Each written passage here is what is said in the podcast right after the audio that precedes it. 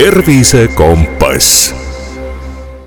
tere, hea Tervisekompassi kuulaja! oktoober on vaimse tervise kuu ja see tähendab, et sel kuul on meie taskuhäälingus ainult vaimse tervise teemad. ja me oleme alustamas äh, koostööprojekti Peaasjadega, mille käigus siis me võtame oktoobri jooksul erinevad teemad ette, arutame neid ja peaasjade spetsialistid annavad siis nendes saadetes just nimelt praktilist nõu tänane külaline on peaasi.ee psühholoog Andreas Holst. tere, Andreas! tere! ja me räägime unest. sellest, mida on kõikidel vaja ja mis on täpselt see koht, millest kõik näpistavad, kui on vaja midagi muud teha.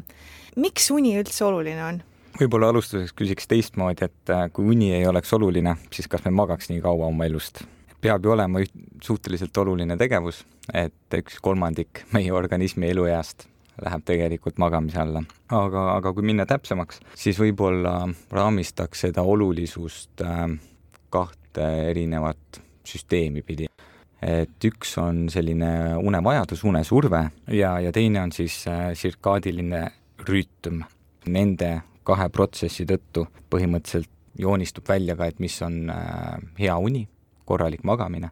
Et kui minna selle äh, unevajaduse juurde, igal asjal on oma hind, samuti ka elutegevusel või bioloogilistel protsessidel. Nende protsesside tulemusel tekivad äh, sellised jääkained kehasse ja normaalse elutegevuse ajal neid jääkaineid ei ole võib-olla kõige äh, mugavam organismist välja saada. seetõttu me ka magame, et just puhastada elutegevusest tekkinud ained meie, meie organismist, et normaalne talitlus saaks jätkuda. ja, ja miks ma seda räägin, on sellepärast, et kui me näiteks otsustame, et me magame viis tundi, siis tõenäoliselt sellest ei piisa, et meie keha saaks kõik need vajalikud toimingud tehtud, jääkained kehast välja, et, et hoida seda head äh, talitluse taset. ja, ja võib-olla sealt tuleb ka see, et miks selline kvaliteetne või, või selline sügavam uni on, on tegelikult ka vajalik, et, et mitte niimoodi uinakuid päev läbi tehes.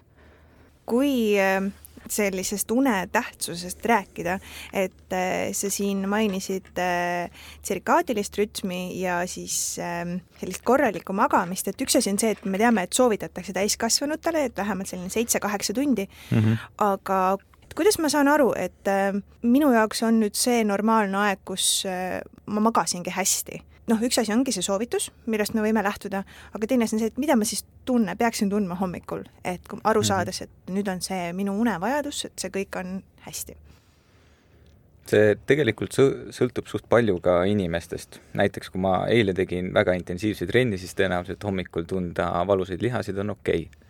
kui ma hommikuti joon hästi palju kohvi, siis tegelikult ärgates võib ikka olla suht selline uimane ja väsinud tunne aga, aga kui sellised äh, spetsiifilised juhud kõrvale jätta, siis äh, hommikuti võiks tunda ennast näiteks peale viite minutit äh, ärkvel olemist puhanuna, võib-olla mitte vähem nii-öelda erksana, et see erksus võib-olla ei ole kõige olulisem, aga just, et, et seda energiat on toimetada. et selline, tänapäeval räägitakse hästi palju ka vaimsest kurnatusest, et see kurnatuse tunne eilse õhtuga võrreldes, siis võiks olla tunduvalt madalam. et äh, ma arvan, et nii, nii võiks tunda, et, et see, et kas hommikul me ärkame uniselt või raskelt, et see on keeruline teema, sellepärast et meil on erinevad unetsüklid ja, ja kui me ärkame äratuse tõttu, siis äh, sügava unetsükli ajal, siis me tunneme ennast äh, väga tusaselt ja, ja uniselt, aga see ei tähenda seda, et uni ei olnud hea ja see on siis see põhjus, miks soovitatakse minna magama ja ärgata kogu aeg samal ajal, et me leiaksime üles siis selle rütmi, et me ei ärkaks sellel ajal või meie äratus ei helis-, heliseks sellel ajal, kus me tegelikult oleme sügavunefaasis.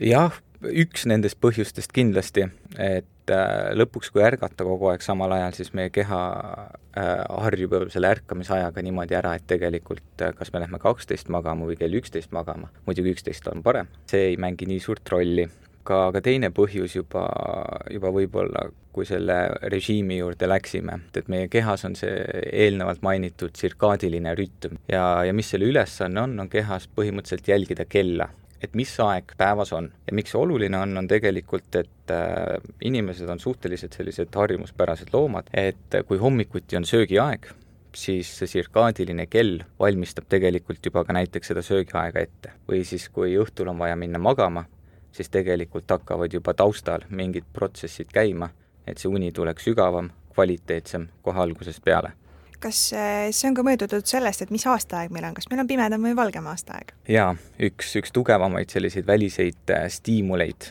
mis seda tsirkaadilist äh, rütmi aitab reguleerida, on tegelikult valgus ja, ja seda ka sinine valgus, mis on jälle väga huvitav punkt, sest sinist valgust me hästi palju saame tegelikult ka ekraanidest. ja, ja kui me neid ekraane vaatame enne magama minekut, siis tegelikult ta segab seda normaalset tsirkaadilise kella rütmi ja, ja siis võibki olla, et uni ei tule enam. mis see vahe peaks olema, et äh, magama mineku, ütleme selline teleka vaatamise aeg, et kui sa vaatad õhtul uudised ära, siis äh, mis see aeg on, et äh, kus äh, valmistud magama minekuks? no ideaalis võiks paar tundi olla, noh, ideaalis, aga tegelikult juba tund aega aitab ja, ja hea trikk on ka lülitada see sinise valguse komponent enda ekraanist välja või kui eriti ekstreemne olla, siis võib osta endale sellised kollased prillid, nagu ehitusprillid ja, ja need ei lase sinist valgust läbi. võite, võite eksperimenteerida nädal aega kollaste prillidega õhtuti ringi käia ja, ja vaadata, kas uni tuleb paremini ja kas tuleb kvaliteetsem no nii, üks nipp sai nüüd siin jagatud, et äh, kes tahab äh, seda prillide asja proovida, siis ma arvan, et ehituspoest saab, sobivad, endale sobivad kollased prillid. aga milliseid nippe sa veel jagaksid unega seoses, et oleks parem uni mhm. mm? -hmm.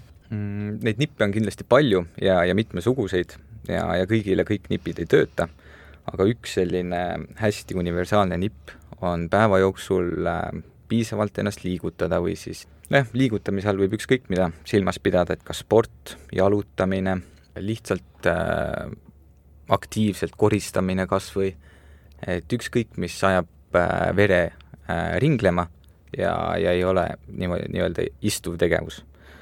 aga, aga selle spordi ja, ja liikumisega on võib-olla selline hea seaduspära, et äh, mida kõrgemaks su pulss läheb, seda vähem seda ideeliselt peaks tegema. muidugi, kui me ei räägi ekstreemumitest, on ju. et näiteks kui joosta pool tundi äh, kõrge pulsiga, siis äh, see võiks võrduda näiteks tunni poole jalutamisega. Et, et me muidugi räägime kõik indiviidi põhiselt, on ju, et kui tippsportlane jookseb pool tundi, siis noh, minusuguse inimese jaoks võrdubki see kuskil pool tundi jalutamist, et raskusaste on lihtsalt võrdväärne. Aga kui minna spordist kaugemale, siis võiks vältida peale kahte või isegi peale kahtteist kofeiini joomist. Ja, ja tegelikult üks erguti, mille peale me tihti ei tule, on äh, nikotiin. nikotiinil on väga huvitavad erinevad toimed, aga sinu kesknärvisüsteemi ergastamine on üks neist, seega enne äh, magama minekut suitsu tegemine võib-olla ei ole kõige parem idee. samuti võiks vältida alkoholi tarvitamist, liigset alkoholi tarvitamist eriti liiga tihedalt, ka see segab naturaalset unerütmi ja on üldse organismile väga kurnav. Sa ütlesid, et kofeiini ei tohiks nagu peale lõunat enam tarbida, on ju, et eh, noh, tavaliselt on selline kellaaeg, kui on kell on kolm või neli, selline enne tööpäeva lõppu, kus tekib selline väike unisus, et noh, lõunaaeg on juba ära olnud, on ju, hea toit oli, et nüüd võiks nagu natukene lisaenergiat saada kui kofeiini tarbida ei tasuks, mida sa soovitaksid, mida selle asemel võiks teha? jalutama minna pooleks tunniks näiteks. Peale söömist, see on suhteliselt äh, ootuspärane, et, et meil tekibki selline leiva äh, luusse laskmise moment ja, ja tegelikult see kolm ei ole, või noh, kella kolmest kohvi joomine ei ole ka nüüd nii hull. et lihtsalt peab arvestama sellega, et äh, kofeiini poolestusaeg sinu kehas on viis tundi ehk siis iga viie tunni tagant on sul ain-, poole vähem kofeiini kesknärvisüsteemis, mis sind hoiab ärkvel. Ja kui me läheme siis soovitustes natuke täpsemaks, et äh, mida saab inimene ära teha siis õhtul, meie oleme väga palju kirjutanud, et äh, peaks looma rutiini enne magamaminekut, et mida selle all täpsemalt mõeldakse? rutiin on väga-väga äh, hea mõte, sellepärast et see annab järjekordse signaali tsirkaadilisele kellale, et nüüd on vaja hakata vaikselt valmistuma magama minema. ja, ja mis need rutiini komponendid võiksid olla, näiteks võiks vältida sellist äh, emotsionaalset telekasaadet või, või väga suures informatsioonivoos olemist, näiteks sotsiaalmeedias. sotsiaalmeedia teadupärast äh, vabastab meie ajust dopamiini, mis on ka selline hästi korralik ärkvelhoidja siis õhtuti võiks tegelikult teha näiteks oma toa akna natukeseks ajaks lahti, et madalam temperatuur on jällegi und soodustav. Meie oleme intervjuudes unearstidega välja toonud, on igasugused sellised pimeduse ja vaikuse võtted ka, mida tegelikult tasuks teha, et magamistuba võiks olla vaikne ja täiesti pime. kusjuures magamistuba võiks isegi ainult olla magamiseks, kui vähegi võimalik et, et muid tegevusi ei tee, et siis tekib selline toaga selline magama, magamise assotsiatsioon. et ei ole vaja pingutada ja siis saab äh, logeleda nii kaua voodis, kuni magama jääd. Isegi kui magamineku aeg on juba, lähed voodisse, paned tuled kustu kõik ja und ei tule, juba tükk aega nagu und ei tule. Üks soovitus, mida siis jagatakse, on see, et, et no mine siis voodist välja, tee mingisuguseid muid asju. aga kas on veel midagi, et ma ei peaks sealt soojast voodist välja minema, midagi muud tegema, et, et ma saaksin nagu ise mm, seda une tulemist natukene hõlbustada siis? kindlasti on, et äh, mõned sellised head nipid on äh, oma tähelepanu juhtimise harju-, harjutused. noh, loomulikult need, mida saab teha pimedas. näiteks minu enda üks lemmikuid on selline neli, seitse, kaheksa hingamine mis äh, ühtlasi ka sunnib äh, su südametööd natukene aeglasemaks, siis äh, teadveloleku meditatsioon tegelikult, et, et keskenduda lihtsalt oma hingamisele, mis jällegi ei, ei lase siis nii vabalt oma selliseid mõtteid mõelda, mis sind üleval hoiavad.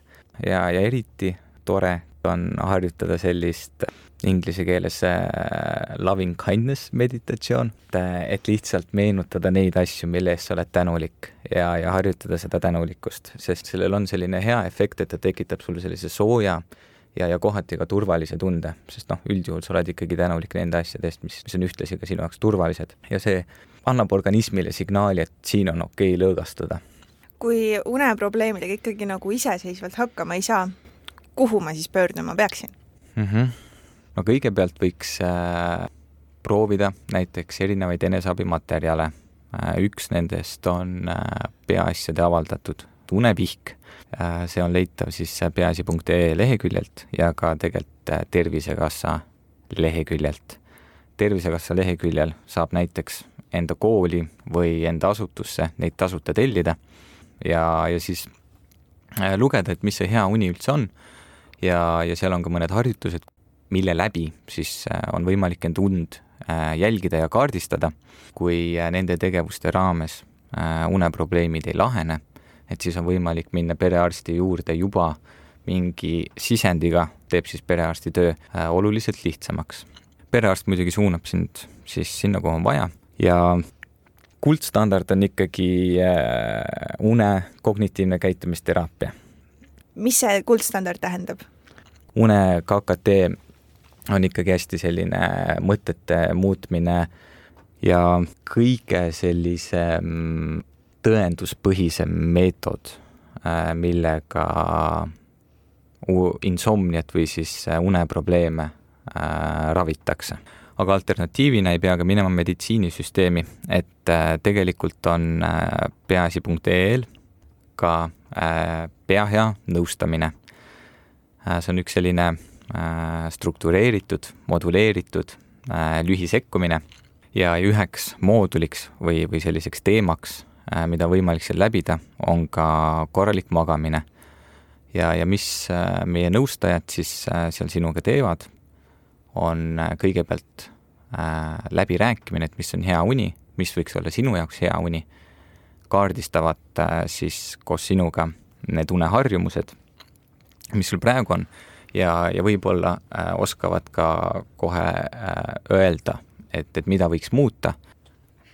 tegelikult need uneprobleemid äh, ei pruugi olla tingitud äh, unehügieenist või mingitest äh, headest harjumustest, et tihti on taustal ka näiteks meeleoluhäired või, või keerulised äh, noh, ütleme keeruline periood elus, mis, mis tekitab selliseid ajutisi meeleoluhäireid või, või näiteks ärevushäired, kas või lühiajalised, ja, ja need näiteks ei lase magada või midagi teha ja, ja organismi normaalne talitlus on jälle natukene häiritud ja see ei lase magada.